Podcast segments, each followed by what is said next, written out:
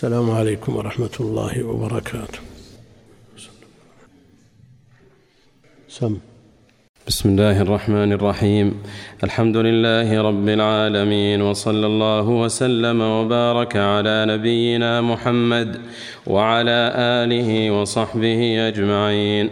اللهم اغفر لنا ولشيخنا وللمستمعين برحمتك يا أرحم الراحمين. قال الإمام المجدد رحمه الله تعالى باب قول الله تعالى ومن الناس من يتخذ من دون الله اندادا يحبونهم كحب الله وقوله قل ان كان اباؤكم إلى قوله احب اليكم من الله ورسوله الايه عن أنس رضي الله عنه أن رسول الله صلى الله عليه وسلم قال لا يؤمن أحدكم حتى اكون أحب إليه من ولده ووالده والناس أجمعين. اخرجاه ولهما عنه قال قال رسول الله صلى الله عليه وسلم ثلاث من كن فيه وجد حلاوة الإيمان. أن يكون الله ورسوله أحب إليه مما سواهما وأن يحب المرء لا يحبه إلا لله وأن يكره أن يعود في الكفر بعد إذ أنقذه الله منه كما يكره أن يقذف أن يقذف في النار. وفي رواية لا يجد أحد حلاوة الإيمان حتى إلى آخره. وعن ابن عباس رضي الله عنهما قال من أحب في الله وأبغض في الله ووالى في الله وعادى في الله فإنما تنال ولاية الله بذلك ولن يجد عبد طعم الإيمان وإن كثرت صلاته وصومه حتى يكون كذلك. وقد صارت عامة مؤاخاة الناس على أمر الدنيا وذلك لا يجدي على أهله شيئا. رواه ابن جرير. وقال ابن عباس رضي الله عنهما في قوله تعالى وتقطعت بهم الأسباب قال المودة فيه مسائل. الأولى تفسير آية البقرة. الثانية تفسير آية براءة. الثالثة وجوب محبته صلى الله عليه وسلم على النفس والأهل والمال. الرابعة أن نفي الإيمان لا يدل على الخروج من الإسلام. الخامسة أن للإيمان حلاوة قد يجدها الإنسان وقد لا يجدها. السادسة. أعمال القلب الأربعة التي لا تنال ولاية الله إلا بها ولا يجد أحد طعم الإيمان إلا بها. السابعة فهم الصحابي للواقع أن عامة المؤاخاة على أمر الدنيا. الثامنة تفسير وتقطعت بهم الأسباب. التاسعة أن من المشركين من يحب الله حبا شديدا. العاشرة الوعيد على من كانت الثمانية عنده أحب من دينه. الحادية عشرة أن من اتخذ ندا تساوي محبته محبة الله فهو الشرك الأكبر. الحمد لله رب العالمين وصلى الله وسلم وبارك على عبده ورسوله نبينا محمد وعلى آله وأصحابه أجمعين. في تفسير القرطبي في سورة إبراهيم عند قوله جل وعلا سرابيلهم من قطران الواردة في الدرس الماضي في الوعيد الشديد على النائحة. إذا لم تتب تقام يوم القيامة وعليها سربال من قطران ودرع من جرب. وتكلمنا عن القطران في الدرس الماضي ونرى ما قاله المفسر رحمه الله القرطبي. يقول سرابيلهم من قطران أي قمصهم سربال القميص. عن ابن دريد وغيره واحدها سربال. والفعل تسربلت وسربلت غيري. قال كعب بن مالك تلقاكم أو تلقاكم عصب حول النبي لهم من نسج داود في الهيجاء سرابيل في الهيجاء سرابيل. ويقول الشاعر الحمد لله إذ لم يأتني أجلي حتى اكتسيت من الإسلام سربالا. من قطران يعني قطران الإبل التي الذي تهنأ به الذي تهنأ به يعني تدهن به تدهن به من الجرب. يقول يعني قطران الإبل الذي تهنأ به. لأنه فسر القطران بالرصاص المذاب. وذلك أبلغ لاشتعال النار فيهم. وذلك أبلغ في اشتعال النار فيهم. وفي الصحيح أن النائحة إذا لم تتب قبل موتها تقام يوم القيامة وعليها سربال من قطران ودرع من جرب. وروي عن حماد أنهم قالوا هو النحاس. وقرأ عيسى بن عمر قطران بفتح القاف وتسكين الطاء وفيه قراءة ثالثة كسر القاف وجزم الطاء قطران. ومنه قول أبي النجم جون كأن العرق أو العرق المنتوج لبسه لبسه القطران أو القطران والمسوح لا. جون كأن العرق المنتوح بالحال يقول نتح العرق خرج من الجلد المنتوحة لبسه القطران والمسوحة القطران هو القطران والمسوح اللباس الخشن. المسوح اللباس الخشن الذي يلبسه الرهبان والمتصوفة ليخرجوا بذلك عن التنعم بالدنيا. وقراءة الرابعة من قطر آن من قطر آن. رويت عن ابن عباس وأبي هريرة وعكرمه وسعيد بن جبير ويعقوب والقطر النحاس والصفر المذاب. ومنه قوله تعالى آتوني أفرغ عليه قطرا. والآن الذي قد انتهى حره أو إلى حره. ومنه قوله تعالى وبين حميم آن. المقصود أن القطران المعروف والمشهور والمتداول هو الذي تهنأ به الإبل يعني تدهن به الإبل من الجرب ومن شدته وقوته يقضي على الجرب بإذن الله. لكن يرد على هذا بالنسبة للنائحة التي تقام وعليها سربال من قطران ودرع من جلب من جرب. هل المراد بالجمع بين الأمرين. العلاج علاجها أو التشديد في عذابها.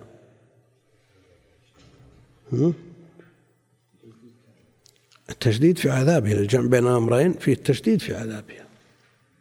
لأن الجرب معروف أنه يعذب عذابا شديدا والقطران إذا كان بعد الجرب علاج بالنسبة للإبل في الدنيا. وأما في الآخرة فلا شك أنه لشدة العذاب. وقد يكون القطران قبل الجرب. سربال القطران قبل درع الجرب. ها؟ حتى لا يتعالج هذا بهذا. ها؟ حتى ما يكون علاج. حتى ما يكون علاج. أو لا يتصور منه العلاج لكن أمور الدنيا تختلف عن أمور الآخرة. لأنه قد يقول قائل إذا وجد القطران والجراب هذا عالج هذا وانتهى الإشكال فما يكون فيه وعيد شديد. ها؟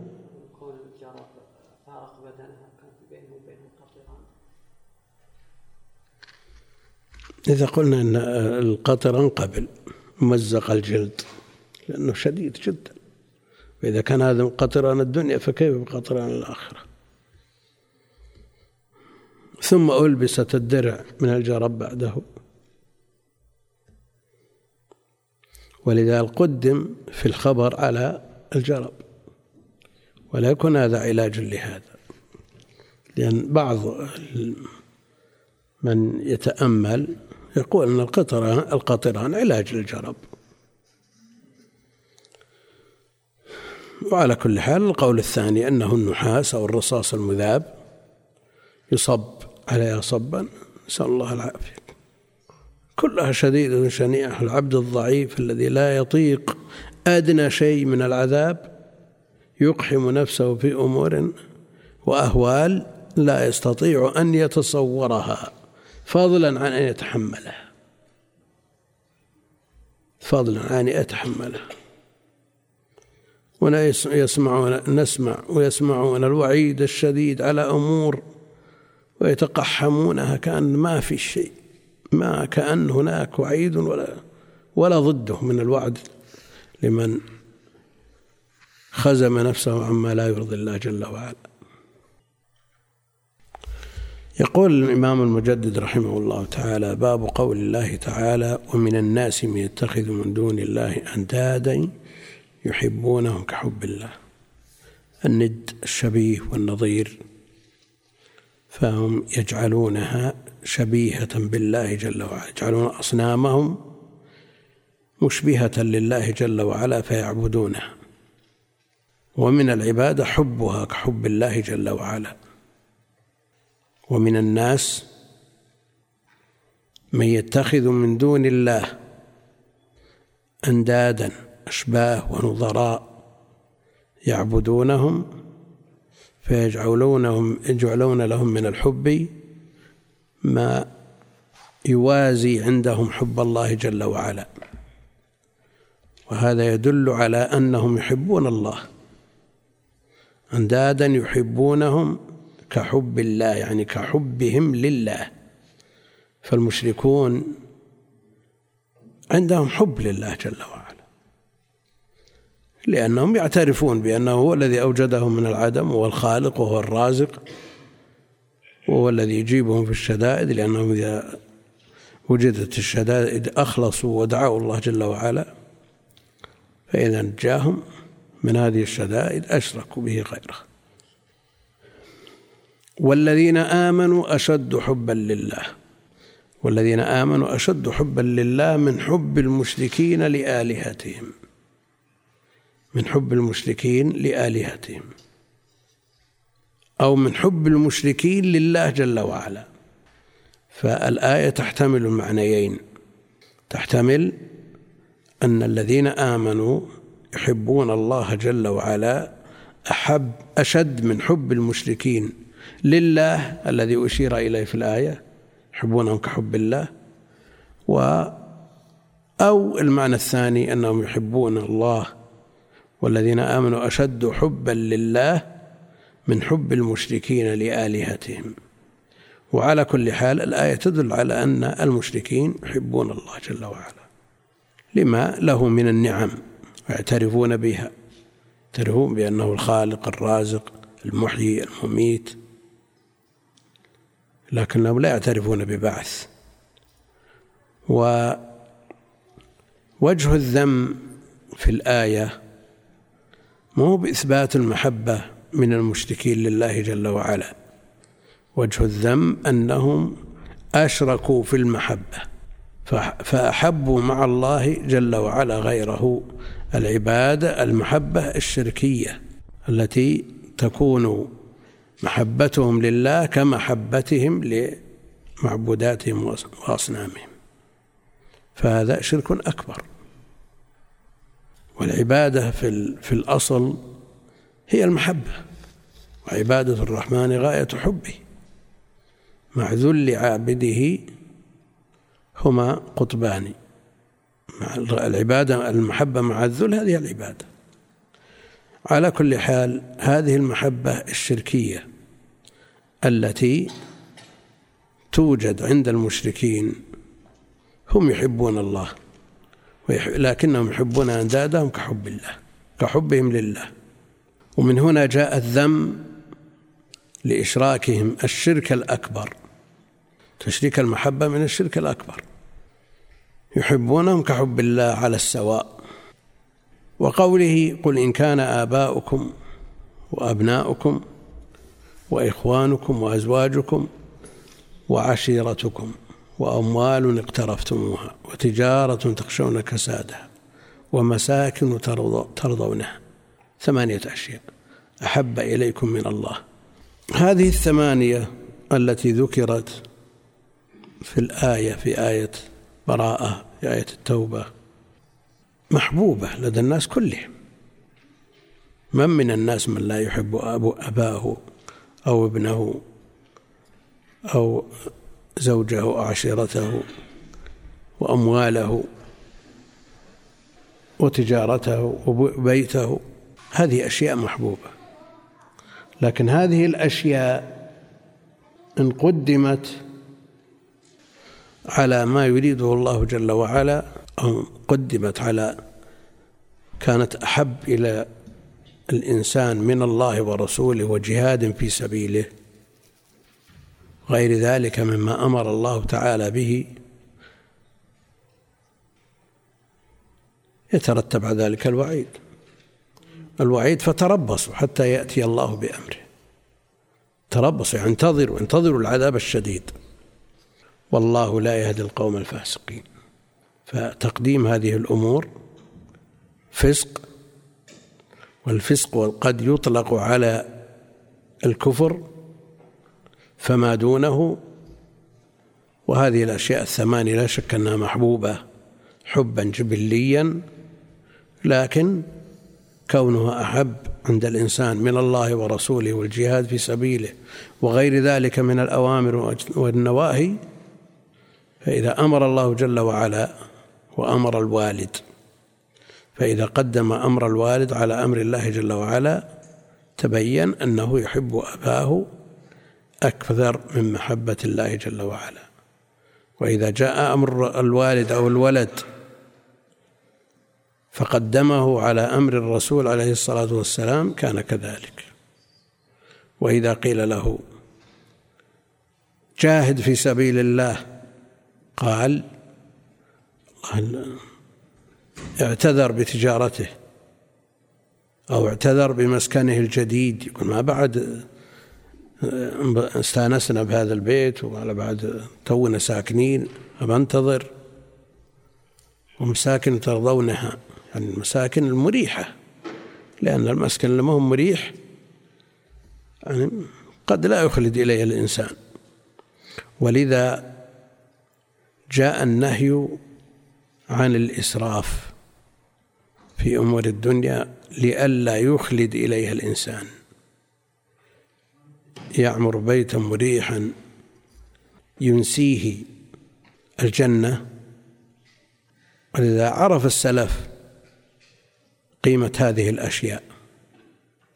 وقال النبي عليه الصلاة والسلام كن في الدنيا كأنك غريب أو عابر سبيل. كن في الدنيا كأنك غريب أو عابر سبيل. وعلى هذا من يتصور هذا الأمر ويستجيب لهذا الأمر لن يخلد إلى الدنيا ويسكن إليها وينفق عليها الأموال الطائلة لتكون مريحة له منسيه للآخرة. قال ابن عمر بعد أن روى الحديث فإذا أصبحت فلا تنتظر المساء وإذا أمسيت فلا تنتظر الصباح. وبنى ابن عمر بيته بيده. بناه بيده. وأيام يسيرة ساكن. من اللبن والطين. وجريد النخل.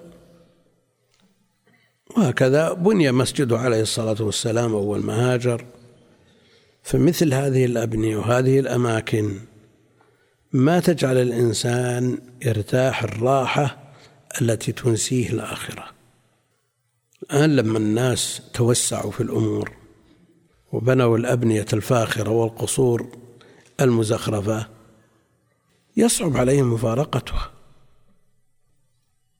والقلوب لا شك أنها تنذهل مع وجود هذه الزخرفات والنقوش والترفه الزائد. فإذا دخل في صلاته شغلته عن صلاته. هذا شيء مشاهد. لما كانت البيوت في مكة وغيرها بيوت عادية والناس قلوبهم في الغالب قلوبهم حاضرة. إذا كبر يصلي ما قدامه شيء وفي غيره حتى في أماكن الإقامة. لكن لما سكن الناس الفنادق الفاخرة وصرفوا عليها الدراهم الكثيرة سواء كان في بيوتهم في دار إقامتهم أو إذا ذهبوا لرحلة عبادة وما أشبهها فإن القلوب تضعف. وهذا شيء مجرب ومشاهد. فالمساكن لا شك أنها تشغل وتلهي. والآن الإنسان يبذل الملايين في سبيل إيجاد سكن مريح ويصرف عليه ما يصرف والنفقة غير مخلوفة. ويجعل فيه من النقوش والتزويق ما لا قيمة له عند في الحقيقة. أما الأسس ينبغي أن تكون قوية ومتينة.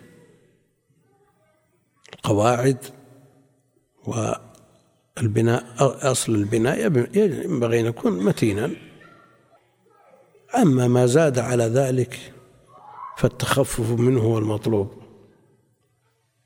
كذلك المزارع والاستراحات يعتنون بها ويجعلونها موئلا لهم في إجازاتهم. فإذا كانت من هذا الطراز وهذا الشيء المرتب المنظم شغلت عن الآخرة بلا شك. والإنسان مأمور بأن لا ينسى أو منهي عن نسيان نصيبه من الدنيا لكن نصيب ما هو كل الدنيا في مقابل الآخرة. فهذه الأمور الثمانية قل إن كان آباؤكم إلى قوله أحب إليكم من الله ورسوله فتربصوا. وعيد شديد. والمراد بذلك المحبة الشرعية. أما المحبة الجبلية الجبلية الطبيعية فكل إنسان يحب أباه ويحب ابنه ويحب بقية الثمانية محبة جبلية. لكن الشرعية التي تبين عند مخالفة أمر الله جل وعلا لهذه الأمور فإن قدمها على أمر الله فقد أحبها أكثر من الله لأن الباعث على العمل الباعث على العمل هو المحبة. الإنسان إذا قام ليزاول أي عمل افترض أنه جالس وقام يقوم لأمر يكرهه أو لأمر يحبه. لأمر يحبه ولا بقي جالس. إذا سافر يسافر لأمر يحبه أو لأمر يكرهه. المكروه يقوم ليدفعه. المكروه يقوم ليدفعه لأن دفعه محبوب. صار القيام من أجل المحبة. فالدافع على جميع الأعمال هو المحبة. قد يقول قائل أن الإنسان يتوظف ويكره العمل ويثقل عليه ويشق عليه لكن المحبوب الأجرة. الناتجة عن هذا العمل. ما في أحد بيخدم بدون أجرة. أما أجرة من أجر الله جل وعلا يخدم إنسانا لأنه يحبه في الله أو لما يرجو من ثواب الله هذه محبة. أو الأجرة التي يتقاضاها في آخر الشهر كالراتب فيعمل العمل ولو كان يكرهه. قد يقوم الإنسان بخدمة إنسان مشلول والعمل الذي يؤديه غير محبوب بل مكروه أشد الكراهة. فهل نقول هذا يعمل عمل دافعه الكره؟ دافعه المحبة. يبقى أن الدافع هو المحبة والمحبة ليست لذات العمل وإنما لما يترتب عليه من الأجرة.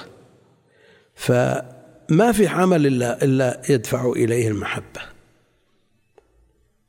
يخدم أباه لما يرجو من ثواب الله ولما له عليه من يد يخدم ابنه ويحرص على تربيته لما يرجو ولما يحب من ثمرة هذه التربية ومن باب أولى الأم وكذلك الزوجة وغير ذلك مما يخدم بأجرة أو بغير أجرة من قدم هذه الأمور محبة شرعية ينتظر. ينتظر العذاب. تربص حتى يأتي أمر الله. مما يدل على أن هذا محرم. في ذاته محرم إذا كانت المحبة الشرعية قد يصل إلى درجة الشرك الأكبر. قد يصل إلى درجة الشرك الأكبر. وعن أنس رضي الله تعالى عنه أن رسول الله صلى الله عليه وسلم قال لا يؤمن أحدكم حتى أكون أحب إليه من ولده ووالده والناس أجمعين. أخرجاه يعني البخاري ومسلم في الصحيحين. عن أنس رضي الله عنه أن رسول الله صلى الله عليه وسلم قال لا يؤمن أحدكم حتى أكون أحب إليه من ولده ووالده والناس أجمعين والمراد بذلك المحبة الشرعية التي تقتضي تقديم محبوبات الله جل وعلا على محبوباته ومحبوبات من ذكر. وقدم الولد تكون أحب إليه من ولده ووالده والناس أجمعين. وفي بعض الروايات من والده حتى يكون أحب إليه من والده لأن كل له والد وليس كل شخص له ولد فهو أعم وأكثر في تقديم الوالد وتقديم الولد لما له من المحبة والشفقة التي يكون الجبلي منها قد يكون أعظم من محبة الوالد محبة الجبلية والمحبة الشرعية يجب أن يكون الوالد أحب من الولد. وإذا تعارض محبة الوالد مع محبة الولد أو ما يقدم للوالد على ما يقدم للولد. فمثلا حصل حريق في البيت وأراد أن ينقذ الاثنين ما استطاع. ما يستطيع أن ينقذ أحدهما. من يقدم؟ أبوه. ها؟ أبوه. يقدم الوالد نظرا لأن هذا أحب إلى الله جل وعلا. وإلا في النفقات الفقهاء يقولون تقدم الزوجة والأولاد على الوالدين في النفقات يعني في الحقوق. الثلاثة الذين انطبق عليهم الغار وكان أحد هؤلاء الثلاثة مما توسل به مما توسل به. إيش؟ أن له أبوان نعم. أنه إذا جاء باللبن أو جيء به يؤتى باللبن فيجد الأب نائما فينتظر على رأسه حتى يستيقظ. والصبية يتضاغون يتضاغون من الجوع. فلا يعطي الصبية ويعطي الأب. ففرج عنهم بسبب هذا العمل وعمل صاحبيه الذي توسل به مما يدل على أنه محبوب عند الله جل وعلا. لماذا؟ وإلا بإمكانه أن يأخذ قسطا لوالده ويضعه على جنب ويعطي الصبية نعم. يجمع بين الأمرين لكن لما قدم مراد الشرع على مراده حصل له ما حصل من هذه المزية وهذه المنقبة. حتى أكون أحب إليه من ولده ووالده والناس أجمعين. حتى أكون أحب إليه من ولده ووالده والناس أجمعين. لا بد أن تكون محبة النبي عليه الصلاة والسلام مقدم على محبة الولد والوالد والناس أجمعين بما في ذلك النفس. بما في ذلك النفس لأنه من الناس. ولذا جاء عن عمر رضي الله عنه إنك لأحب الناس إلي إلا من نفسي. قال النبي عليه الصلاة والسلام بل ومن نفسك. فقال عمر رضي الله تعالى عنه إنك لأحب الناس إلي حتى من نفسي. قال له عليه الصلاة والسلام الآن يا عمر الآن يا عمر. ويتصور أنه أن المحبة بهذه السرعة تصل إلى هذه الدرجة. ها؟ إلى هذه الدرجة من السرعة ينقلب بدل ما هو حب نفسه أحب إليه يكون الرسول أحب إليه من نفسه. نعم. يتصور فيهم. أما الدعاوى التي تقال مع وجود المخالفات التي تنقض هذه الدعاوى صارت في من بعدهم وكثرت. والله المستعان. ما يكون ان الامر يظن أن الإنسان لا يحب أحدا أكثر من نفسه؟ وجهه توجيه الشرعي عمل به على الفور عمل بها على الفور لكن العاطفة التحكم فيها بهذه السرعة. نعم؟ التحكم بهذه السرعة لابد أن تكون عن قلب يملأ إيمان يملأ القلب في المسألة دعوة. ولهما للبخاري ومسلم عنه أي عن أنس رضي الله تعالى عنه قال قال رسول الله صلى الله عليه وسلم ثلاث من كن فيه وجد حلا وجد حلاوة الإيمان. وجد حلاوة الإيمان. حلاوة الإيمان لا شك أن الإيمان إذا وقر في القلب صار له حلاوة. يجدها من وصل إلى هذه المرتبة. لكن كثير من المسلمين بل كثير ممن يحقق الإيمان دون هذه الأمور قد لا يجد حلاوة كما أن كثيرا من المصلين لا يتلذذ في صلاته. كثير من الصوام ينظر في الساعة متى ينتهي اليوم؟ نعم والمصلي ينتظر متى يسلم الإمام وهكذا. كثير من المسلمين لا يجد هذه الحلاوة. لكن من وصل إلى هذه المرتبة وحقق هذه الأمور الخصال الثلاث ثلاث خصال يعني من من كن فيه يعني وجدنا فيه. وكان هنا تامة بمعنى وجدنا. وجد حلاوة الإيمان. حلاوة قد يحس بها بعض الناس هي حلاوة معنوية لكن هي ارتياح قلبي وانبساط وانشراح ويتمنى أن يستمر في هذا العمل. ويجد فيه الراحة كما كان النبي عليه الصلاة والسلام يقول أرحنا يا بلال بالصلاة. والسلف يتلذذون بالأعمال الشاقة من صيام الهواجر وقيام الليالي الشاتية يتلذذون بها ويجدون لها حلاوة. وهذا أمر لا يجده كثير من المسلمين وإن قاموا به. ومن السلف من يقول جاهدنا عشرين سنة في قيام الليل ثم تلذذنا به عشرين سنة.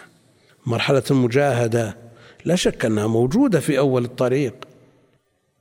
لكن قد يصل إلى مرحلة التلذذ بعد ذلك وقد لا يصل. بعض المشايخ اللي يعلمون الناس العلم يأخذ مدة وهو يجاهد ثم يتلذذ. يتمنى أن لو كانت الساعات كلها تعليم. كما كان في السابق يتمنى أن تكون الساعات كلها في التعلم لأنه يجد راحة ولذة والعلم فيه لذة بلا شك. لكن بعض الناس آه، التعلم عبء عليه ثقيل والتعليم أثقل ومنهم من يتلذذ به بعد مدة يسيرة ومنهم من يطول تطول مجاهدته ومنهم من يموت. ما ذاق هذه اللذة ولا هذه الحلاوة؟ والله المستعان. يقول رحمه الله ولهما عنه عن أنس قال كان رسول الله صلى الله عليه وسلم قال قال رسول الله صلى الله عليه وسلم ثلاث من كن فيه وجد حلاوة الإيمان أن يكون الله ورسوله أحب إليه مما سواهما. أن يكون الله ورسوله أحب إليه مما سواهما. لا يقدم شيئا كائنا من كان. على مراد الله ومراد رسوله عليه الصلاة والسلام. سواهما وثنى الضمير مع أنه عليه الصلاة والسلام قال للخطيب لما قال ومن يعصهما فقد غوى ومن يطع الله ورسوله فقد رشد ومن يعصهما فقد غوى. قال بئس خطيب القوم أنت. لأنه جمع بين ضمير الله وضمير نبيه عليه الصلاة والسلام مما يتخيل معه التسوية. وهنا قال مما سواهما. ولا شك أنه إذا صدر من النبي عليه الصلاة والسلام لا يتخيل أنه يسوي بينه وبين الله. وأما غيره فقد يتوقع منه ذلك. ولذلك أنكر على الخطيب وقال أن يكون الله ورسوله أحب إليه مما سواهما وأن يحب المرء لا يحبه إلا لله وأن يحب المرء لا يحبه إلا لله. نعم.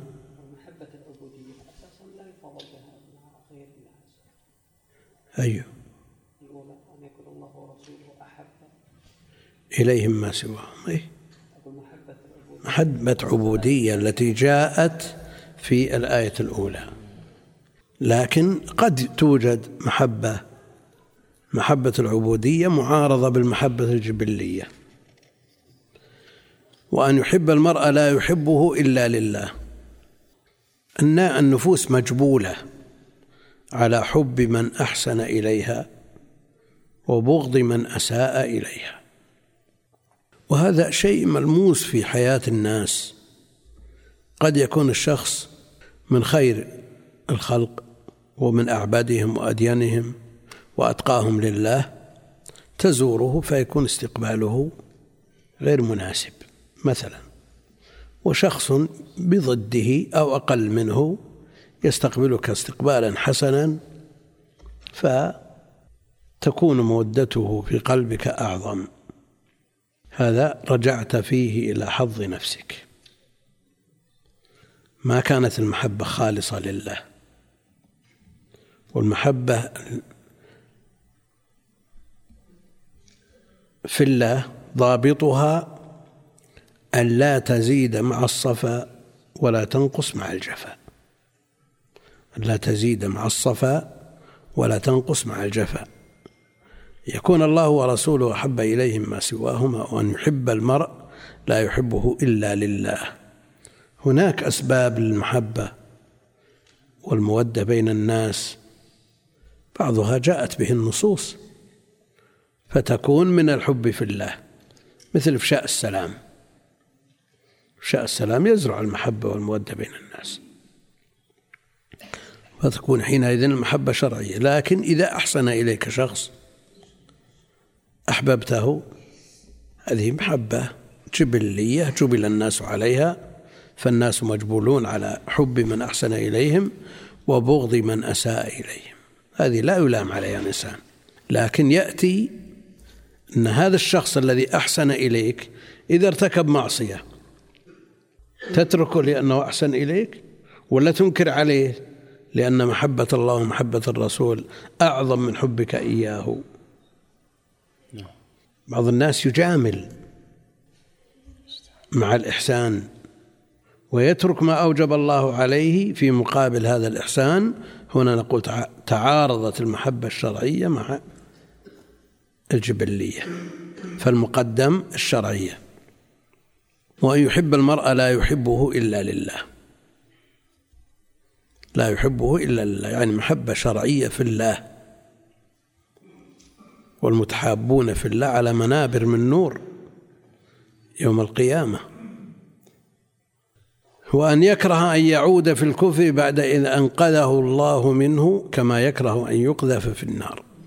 يعني هذه مسألة مفترضة في كافر أسلم.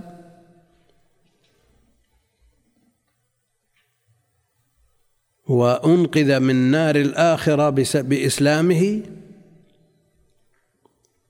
فإذا قيل له ودعي إلى كفره أو دعته نفسه وشيطانه إلى الكفر يكره هذا العرض كراهية شديدة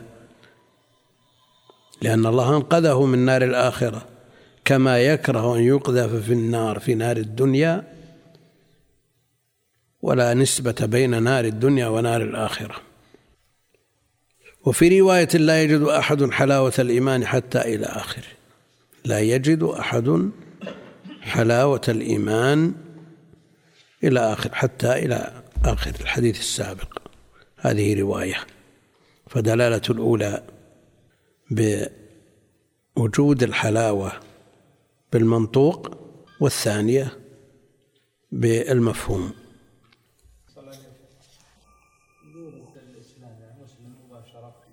شو؟ حتى المسلم المولود في دار الإسلام نفسه لكن الذي ذاق الكفر وجربه قد تكون إما تكون نفرته أشد لأن إيمانه أقوى أو يكون لأنه فارق أمورا ألفها وقد يكون حن إليها فتكون استجابته أقرب. وعن ابن عباس رضي الله عنهما قال من أحب في الله هناك لا يحب المرأة لا يحبه وأن يحب المرأة لا يحبه إلا لله. وهنا قال من أحب في الله وأبغض في الله ووالى في الله وعادى في الله. وما الدين إلا الحب والبغض والولاء كذاك البراء من كل غاو وآثم. فالحب بالله والبغض في الله من أوثق عرى الإيمان. من أحب في الله وأبغض في الله ووالى في الله وعادى في الله فإنما تنال ولاية الله بذلك بالحب والبغض والولاء والبراء تتوثق عرى الصلة بين المسلمين وينفرون من أعدائهم ومن محبة أعدائهم ومن تقليد أعدائهم ويتماسك المسلمون ويتقوون ببعضهم بخلاف ما إذا أذيب. هذه الأوصاف من الحب في الله والبغض في الله والولاء والبراء. ولذلك الأعداء بدأوا بتهويل شأن الولاء والبراء. هولوا من أمره لأنه في حد زعمهم لا يحصل معه التعايش مع الأعداء. وأنهم يظنون أن المسلم الذي يتصف بهذه الصفات يكون قويا على عدوه ولا يتعايش معه وقد يعتدي عليه وقد أدركنا قبل أن تنفتح الدنيا ويختلط الناس بعضهم ببعض الناس يتصفون بهذه الصفات بأقوى صورها حب في الله وبغض في الله. ولاء براء ولا رأينا من يعتدي على أحد. ما رأينا الاعتداء إلا لما تكلموا في الولاء والبراء والحب والبغض. صارت وجدت هذه المشاكل. والآن أذكر أن أحدا اعتدى على أحد مع الاتصاف بهذه الصفات بأجلى صورها. تجد الوالد يبغض ولده لأنه يتساهل في الصلاة. ولو كان من أنفع الناس له في دنياه. ويحب ولده لأنه متدين ولو كان لا يقدم له أي خدمة. حب في الله وبغض في الله. وموالاة في الله ومعاداة في الله. قال فإنما تنال ولاية الله بذلك. هذا الخبر عن ابن عباس رضي الله عنه وله حكم الرفع ولن يجد عبد طعم الإيمان. ولن يجد عبد طعم الإيمان وإن كثرت صلاته وصومه حتى يكون كذلك. يعني الشخص الذي لا يخت... لا فرق عنده بين مؤمن وفاسق بين مسلم وكافر. مثل هذا يجد حلاوة إيمان ويجد طعم الإيمان؟ لا والله. صار الناس عنده سواء. ولا فرق. ولن يجد عبد طعم الإيمان وإن كثرت صلاته وصومه حتى يكون كذلك. يحب في الله ويبغض في الله ويوالي في الله ويعادي في الله. هذه صفة المسلم هذه صفة المؤمن. هذه ليست أمور مندوبة هذه أمور فرائض من فرائض الدين. وما الدين إلا الحب والبغض والولاء كذاك البراء من كل غاو وآثم. حتى حتى يكون كذلك. وقد صارت ابن عباس يقوله في القرن الأول في عصر الصحابة وقد صارت عامة مؤاخاة الناس يعني صدقاتهم وصلاتهم كلها من أجل من أجل الدنيا. ولقد صارت عامة مؤاخاة الناس على أمر الدنيا. على أمر الدنيا هذا في الصدر الأول فكيف بمن بعدهم؟ فكيف بعصرنا الذي طغت فيه المادة على الناس وأشربت قلوبهم حبها وصاروا لا ينظرون إلى أي مقياس غيره والله المستعان. قد صارت عامة مؤاخاة الناس على أمر الدنيا وذلك لا يجدي على أهله شيئا. ما ينفع. هذا لا ينفع. يقول رواه ابن جرير وهو عند ابن المبارك في الزهد وابن أبي شيبة وغيرهما. قال ابن عباس في قوله تعالى وتقطعت بهم الأسباب قال المودة تقطعت بهم الأسباب. هذه المحبة التي بين الناس من أجل الدنيا انتهت في الآخرة. تقطعت بهم الأسباب. هذه الأسباب التي هي سبب صلة بعضهم ببعض وسبب خدمة بعضهم لبعض وسبب محبة بعضهم لبعض. إذا كانت من أجل الدنيا تتقطع في الآخرة. لا توجد.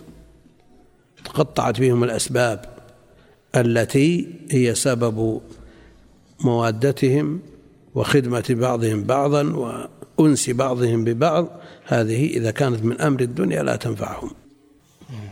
الأخلاء يومئذ بعضهم عدو بعضهم لبعض عدو إلا المتقين. التقوى هي التي تجمع الناس. الأخلاء يومئذ بعضهم لبعض عدو إلا المتقين. أما الخلة والصداقة والمحبة والمودة لأمور الدنيا كلها تنتهي. لذا يقول الله جل وعلا وتقطعت بهم الأسباب. قال رحمه الله في مسائل الأولى تفسير آية البقرة التي هي ترجمة الباب والثانية تفسير آية براءة التي فيها الثمانية التي ذكرت في آية التوبة.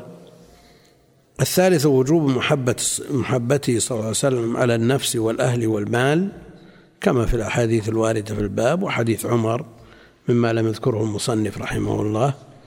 الرابعة أن نفي الإيمان لا يدل على الخروج من الإسلام. لا يؤمن أحدكم. نفي الإيمان. حتى أكون أحب إليه من ولده ووالده والناس أجمعين. قد توجد يوجد هذا المنفي في المحبة الجبلية وحينئذ لا يصل إلى نفي الإيمان بالكلية والخروج من الإسلام. الخامسة أن للإيمان حلاوة. حلاوة قد يجدها الإنسان وقد لا يجدها. أن للإيمان حلاوة هي في الأصل معنوية ويتلذذ بها الإنسان قد يتلذذ بها أكثر من الحلاوة الحسية.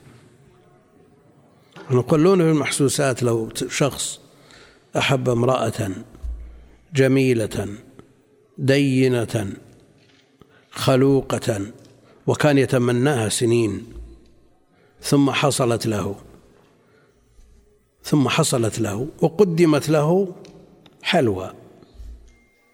أيهم أطعم عنده؟ إيش تقول أبو عبد الرحمن؟ عندنا مرجع في هذا الباب. ها؟ حلو عندك أنت؟ عندك ما كل شيء بحسب. ها؟ كل شيء له وكل إنسان له ما يعجبه في الحياة. وتجده يصرف من الأموال الطائلة في سبيل في سبيل تحصيله. فبعض الناس عندهم النساء ممكن يبذل جميع ما يملك. وبعض الناس عندهم إبل. بعض الناس عندهم سيارات. وبعض الناس عندهم مساكن. وبعضهم عنده الأسفار والرحلات. وبعض الناس عندهم كتب. يعني الدنيا كلها متاع. وخير متاعها. كمل نعم.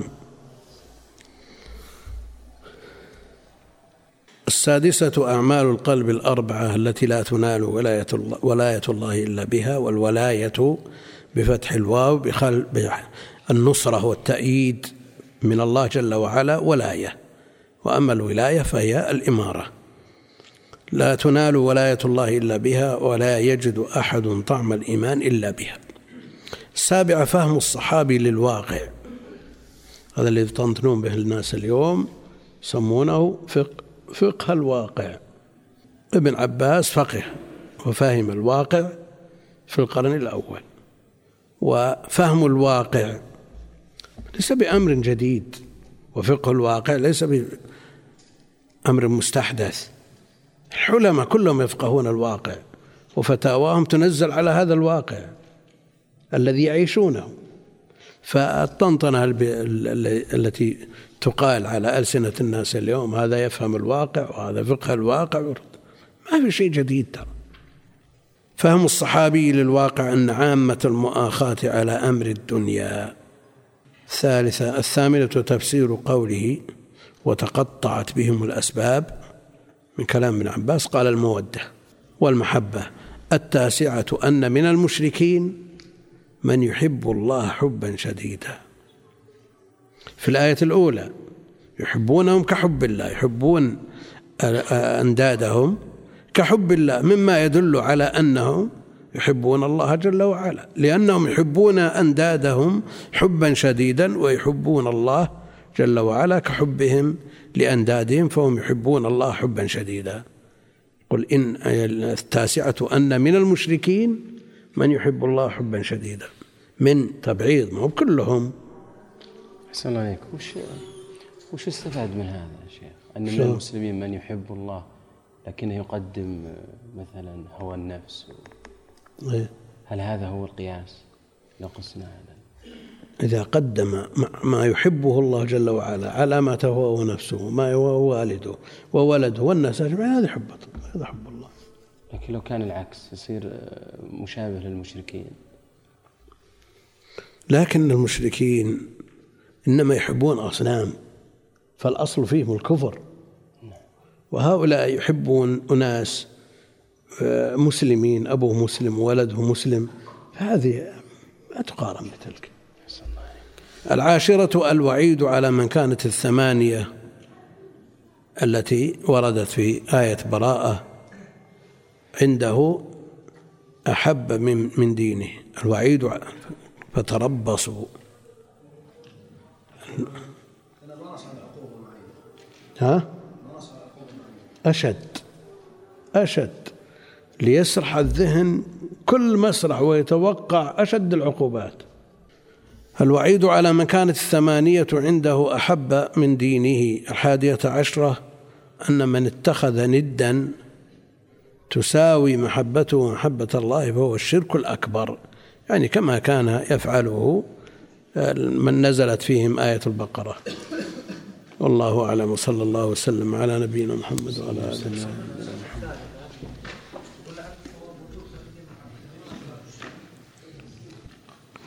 وجوب محبته صلى الله عليه وسلم على نفسه والأهل والمال. هو لابد من تقدير على لابد من من تقدير إيه وجوب تقديم. إيه لا هو لو ما لو ما وجدت تقدر. الجار والمجرور متعلق بإيش؟